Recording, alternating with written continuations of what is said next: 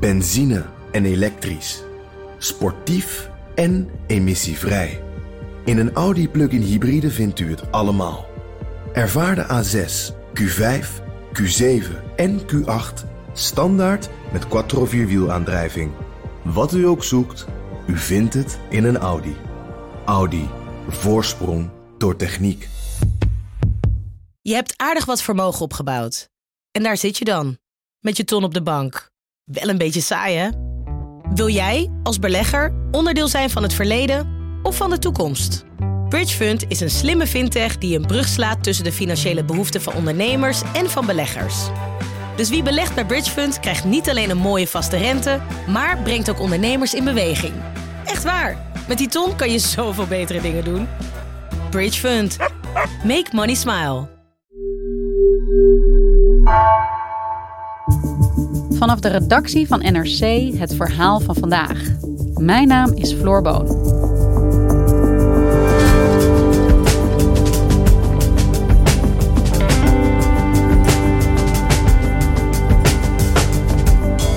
In 2020 keken Europese landen angstvallig naar Italië, waar corona ongenadig hard toesloeg. Nu ook in Italië een nieuwe golf loert, beschouwt correspondent Ine Rooks de situatie. Zij ziet hoe Italianen worstelen met het trauma van vorig jaar, maar ook steeds meer kritiek hebben op de coronapas, die sinds kort op de werkvloer geldt.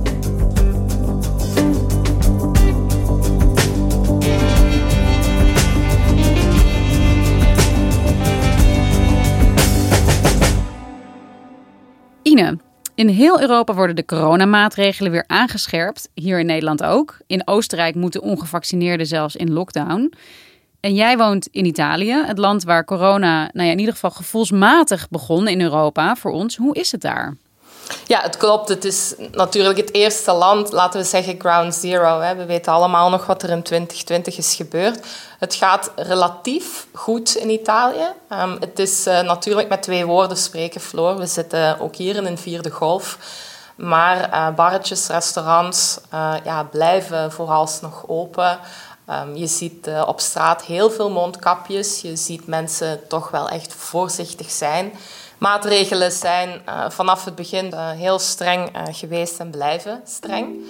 Um, maar in vergelijking met die allereerste heel zware lockdown die Italië heeft gehad, herinner je dat mensen, veel mensen hebben toen eigenlijk maanden op hun kleine balkon gekampeerd. Die, die lockdown is, is voorbij, maar die hele strenge maatregel van de invoering van de Green Pass, zo noemen de Italianen de QR-code, het, eh, het, Europese coronacertificaat, die maatregel blijft van kracht. Eh, het is dus al eh, in theaters, in alle gesloten ruimtes, maar dus ook op het werk. Dat is zeker de allerstrengste vorm die sinds 15 oktober is toegevoegd. Dus je stapt binnen op kantoor en je QR-code wordt gescand. Ja, want die coronapas op het werk, dat is iets waar ook hier over gesproken wordt natuurlijk, maar dat hebben wij nog niet. Hoe werkt dat dan precies?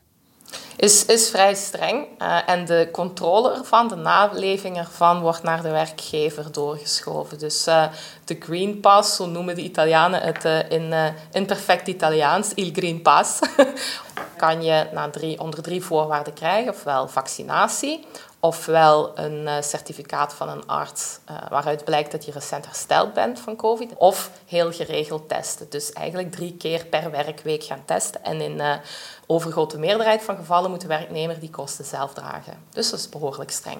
Ja, en hoe reageren de Italianen erop? Met name ja, dat idee dat je dus zelfs niet meer zomaar naar je werk toe kunt als je geen pas hebt. Ja, daar zijn in Italië heel uiteenlopende reacties op. Heel veel mensen voelen zich uh, niet echt uh, voor een keuze gesteld en zeggen ik wil gewoon naar mijn werk gaan. Bijvoorbeeld winkelbediendes met tijdelijke contracten, ja, die piekeren er niet over om uh, daarvoor thuis te blijven, om misschien hun baan te verliezen. Dus die testen. Of um, ja, heel veel mensen hebben natuurlijk al het COVID-certificaat omdat ze gevaccineerd zijn. Als je kijkt naar de, het doelpubliek van de vaccinatiecampagne, en dat waren mensen ouder dan 12. Dan zie je dat nu zo'n 83% van de Italianen uh, gevaccineerd is. Enerzijds zie je zeker manifestaties, betogingen en lees je mensen die heel uitgesproken zijn tegen de strenge maatregelen. Maar we moeten toch ook het grotere plaatje niet uit het oog verliezen. Namelijk, de derde vaccinatiecampagne is in Italië al volop aan het lopen. Dus er is ook heel veel steun voor vaccins.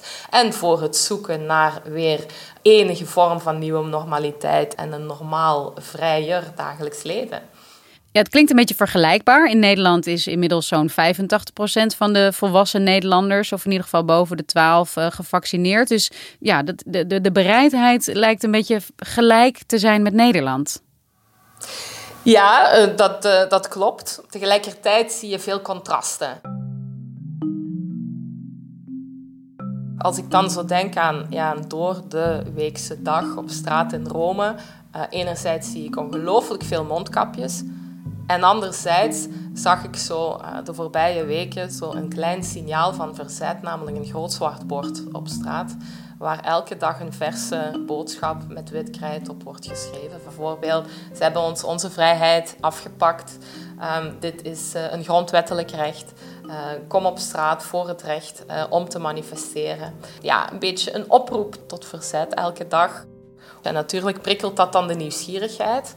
En dat zwart bord staat bij een bar, een typische Italiaanse koffiebar. Café Ti Amo heet het, dus ik hou van jouw bar een bar met heel veel passage, heel veel voorbijgangers, heel veel mensen die naar hun werk gaan of van hun werk terugkomen. Ik ben naar die bar gegaan. Ik sprak er met de eigenaar, Sandro Bonomo, een man van 58. Io sono Sandro, nato a Roma, ho 58 anni. E praticamente... Die samen met zijn vrouw Sara Querini en hun zoon de zaak daar uh, runt. Io mi chiamo Sara Querini, ho 52 anni, sono nata anch'io a Roma. E... En hier zie je verzet, zeg jij, een beetje, ja, dat zien we natuurlijk ook heel erg veel in Nederland. Is dit dan, ja, ook dat groeiende verzet tegen of die minderheid uh, die steeds meer buitengesloten wordt in de samenleving door de QR-code, door de manier waarop, ja, uh, ongevaccineerden steeds minder toegang krijgen tot de samenleving? Ja, enerzijds wel. Anderzijds speelde er, vond ik wel interessant toen ik dat met Sandro en Sarah ben gaan kennismaken, speelde er veel meer. Er kwamen in dat verhaal, in hun verhaal, veel breuklijnen samen. Ze zijn erg boos en gefrustreerd, want van een heel uh, welvarende zaak, een heel goed draaiende bar, uh, zijn ze nu naar, een, naar een, noodlijdende situatie geëvolueerd. Ze hebben bijvoorbeeld een huurachterstand door al die sluitingsmaanden uh, opgelopen van 70.000 euro. Er loopt ook een rechtszaak met hun, hun huisbaas daarover. No, abbiamo degli arretrati pari a 70.000 euro. Ze vertelde me dat de steunmaatregelen tijdens die gedwongen sluiting ja, eh, heel erg te wensen overlieten. Hun zoon, uh, op wiens naam uh, de, de, de zaak staat, hij heeft in totaal, hou je vast, de voorbije twee jaar in totaal 2600 euro steun gekregen. de huur van het pand alleen per maand is 5000 euro, dus een halve maand huur. er zijn wel steunmaatregelen voor hun bedrijfje geweest, ter waarde van 35.000 euro, zeiden ze. Dat had hen zeker gered, maar die zijn uh, helemaal aan de Italiaanse inkomstenbelasting weer uh, overgemaakt. Uh, is die financiële klap eigenlijk de reden dat ze ook zo um, ja, zich keren tegen dat overheidsbeleid en dat ze al die teksten op dat krijtbord schrijven? Ik denk in het geval van, uh, van Sandra en Sarah dat dat een heel goede samenvatting is. Ja. Dus als, je zo, als het je zo diep in je portefeuille raakt, is het heel moeilijk om uh, te blijven geloven in die steunmaatregelen. Ik denk dat in het geval van Sandro uh, vrij nagel op de kop is. Ja. Sarah, zijn vrouw, twijfelt daar dan weer aan. Um, en dat leidt ook tot spanningen in hun gezin. Want zij is dan wel die prik gaan halen, omdat ze dacht we zitten nog jaren misschien wel in deze situatie.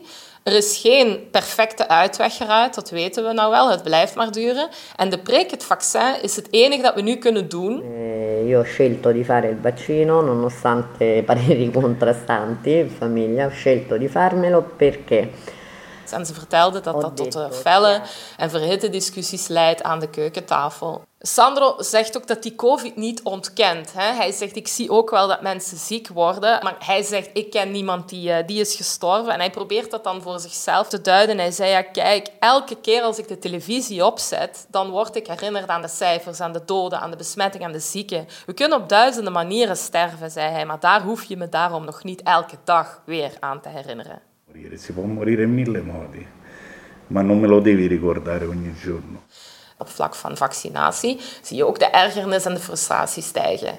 Je ziet dat onder collega's, onder vrienden.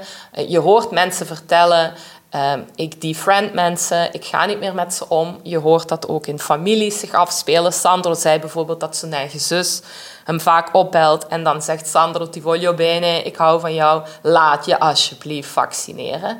En dan zegt hij, zus, je moet ophouden met zotte zeur, je weet dat ik het nooit of te nimmer zal doen. Io mia sorella che mi chiama per dirmi Sandro, ti voglio bene, vatti a vaccinare, anche lei si è vaccinata. E io dico no, non lo farò mai, lo sai come la penso. Discutiamo tutti i giorni. Het wordt een statement hè, om uh, een winkel binnen te stappen met of zonder een mondkapje.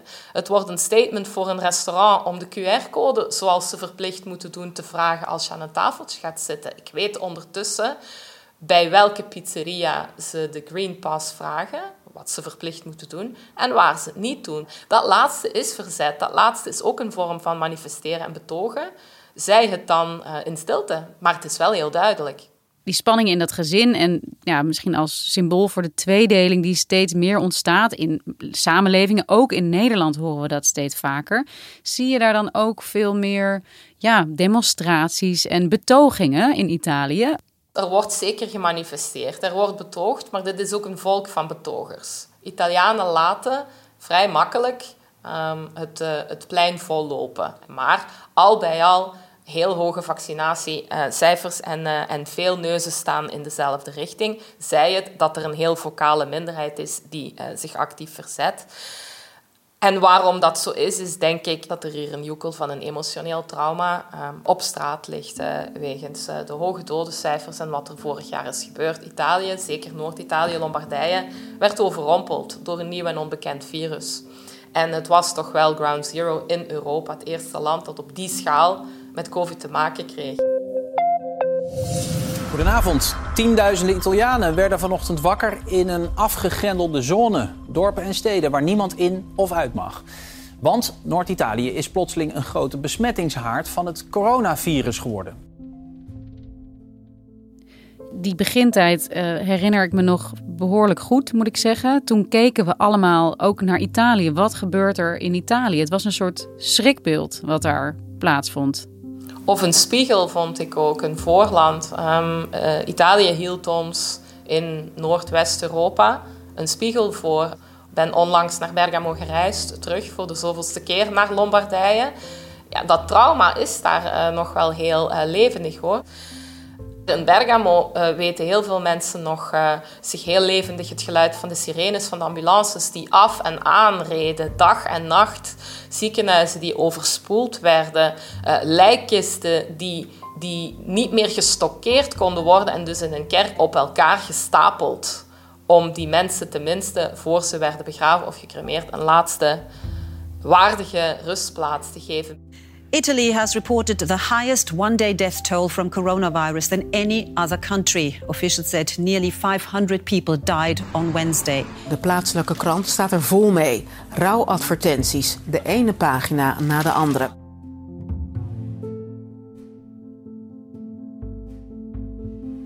Die mensen konden geen afscheid nemen, hebben geen afscheid kunnen nemen. Uh, letterlijk werden COVID-besmette uh, mensen weggerukt uit families en, en, en alleen begraven zoals een hond. En dus als dat nog niet uh, een trauma veroorzaakt in een land, ja, wat dan wel?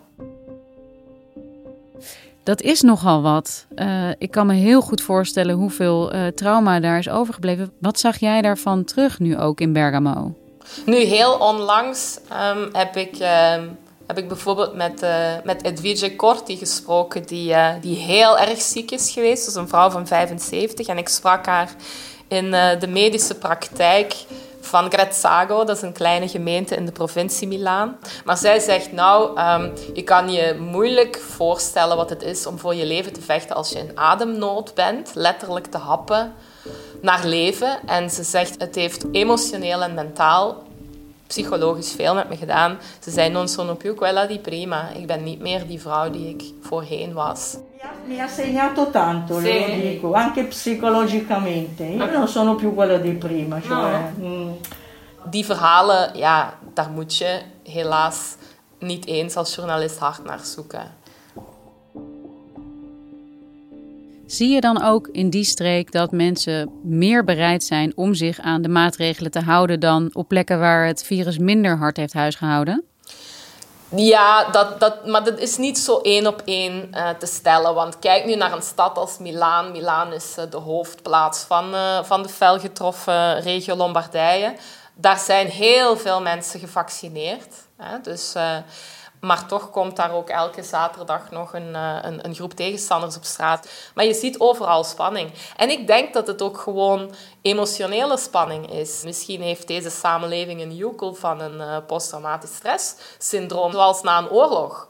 Een samenleving die door elkaar geschud is dus, dus die emotie, ehm, de zorg om uh, morgen, de financiële zorg van veel Italianen. Dit land had uh, het al zo moeilijk om de, de bankencrisis van 2008 weer te, uh, te boven te komen. En nou dit, um, dit is voor deze economie loodzwaar. En dat zijn geen abstracte cijfers. Als de economie heel slecht draait, snijdt dat in mensenlevens. Ik denk dat bij de zogenaamde rabiate antivaxers er ook gewoon heel veel emotie en trauma zit. En bezorgdheid om hun bestaan. Dat dat allemaal door elkaar loopt. Ja, jij schetst hier wel een beeld van de Italiaanse samenleving die echt diep geraakt is door corona eigenlijk vanaf dat begin. Eerder zei je dat er wel wat protest is tegen maatregelen, maar dat het gros van de mensen um, de coronapas gebruikt. Doen ze dat gewoon zonder meer, zonder voorbehoud? Accepteren ze dat gewoon? Je hoort wel veel gemopper over zaken die dan op zijn Italiaans, zeggen de Italianen zelf, uh, eigenlijk uh, ja, uh, een beetje ver zijn van enige logica. En dan worden daar grapjes over gemaakt. Er worden bijvoorbeeld filmpjes op social media rondgestuurd van comediennes die uh, alle maatregelen heel snel opsommen en dan uiteraard de heel grote tegenstrijdige maatregelen eruit lichten, zoals in een sneltrein moet je de QR-code kunnen voorleggen, maar niet op de stadsbus en ook niet in een lokale trein enzovoort en zo verder. Dus uh, dan zeggen ook uh, restaurant- en baruitbaters, het is onzin om bijvoorbeeld um, als iemand de bar binnenstapt en een cappuccino bestelt en die aan de toog, aan de bar opdrinkt, dan moet hij niet de QR-code voorleggen, maar gaat hij zitten, dan moet hij wel de QR-code voorleggen voorleggen enzovoort. Dus er worden dan grapjes uh, gemaakt uh, omtrent het, wat soms ook wel inderdaad een, eh, een, een gebrek aan logica lijkt, ja. Ja, dat is natuurlijk best grappig eigenlijk als je erover nadenkt. Tegelijkertijd is die QR-code er uiteindelijk ook voor bedoeld om, nou ja, in Italië uh, zo'n super strenge lockdown opnieuw te voorkomen, toch? Ja, zeker, want uh, dit land kan dat niet opnieuw aan. Je zag bijvoorbeeld vorig jaar, einde vorig jaar, heeft ISTAT, dat is het Italiaanse bureau voor de statistiek, enkele cijfers gegeven. Van, uh, en daar zitten veel van die kleine en middelgrote ondernemingen bij, die hier echt wel het, uh, het economisch weefsel zijn van Italië. 73.000 bedrijven gingen dicht door COVID. Dat was dus uh, het cijfer einde vorig jaar. En daarvan zei, voorspelde Istat dat 17.000 van die bedrijven wellicht ook dicht zouden blijven. Dus daarom is het ook zo, ja, een make-or-break eh, verhaal voor Italië. Dus je kan uh, vanaan het uh, verhaal van Sandro en Sara, dat zijn natuurlijk twee kleine ondernemers, maar je kan daar wel veel uh, op hun verhaal enten eigenlijk. Die mensen zijn zeer bezorgd om hun onmiddellijke toekomst. En zij zijn niet de enige. Sandro en Sarah op heel korte termijn um, gaan wellicht in zwaar weer komen. Want uh, hun eigenaar, de eigenaar van het pand, is meteen naar de rechter getrokken. Uh, wegens die hoge huurachterstand. Uh, en uh, zij verwachten einde van de week een vonnis in die zaak. De rechter kan hun afbetalingsplan goedkeuren. En dan kunnen ze verder blijven in hun bar en uh, de achterstand inhalen. Of de rechter kan uh, de eiser gelijk geven en dan wordt de huur meteen ontbonden en zijn ze alles kwijt. Ben quattro anni quasi totali abbiamo sempre versato regolarmente l'affitto e non abbiamo mai mancato in nulla. E. Dus het zou zomaar kunnen dat ook het gebruik van de QR-pas om ja, een erger te voorkomen dat dit voor Sandro en Sarah te laat gaat komen. Dat klopt, ja. Dankjewel Ine. Graag gedaan.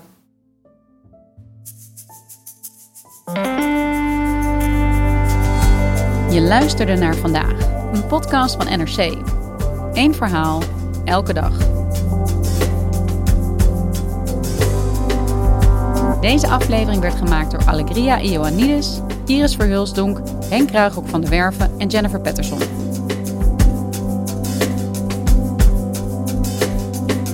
Dit was vandaag. Morgen weer.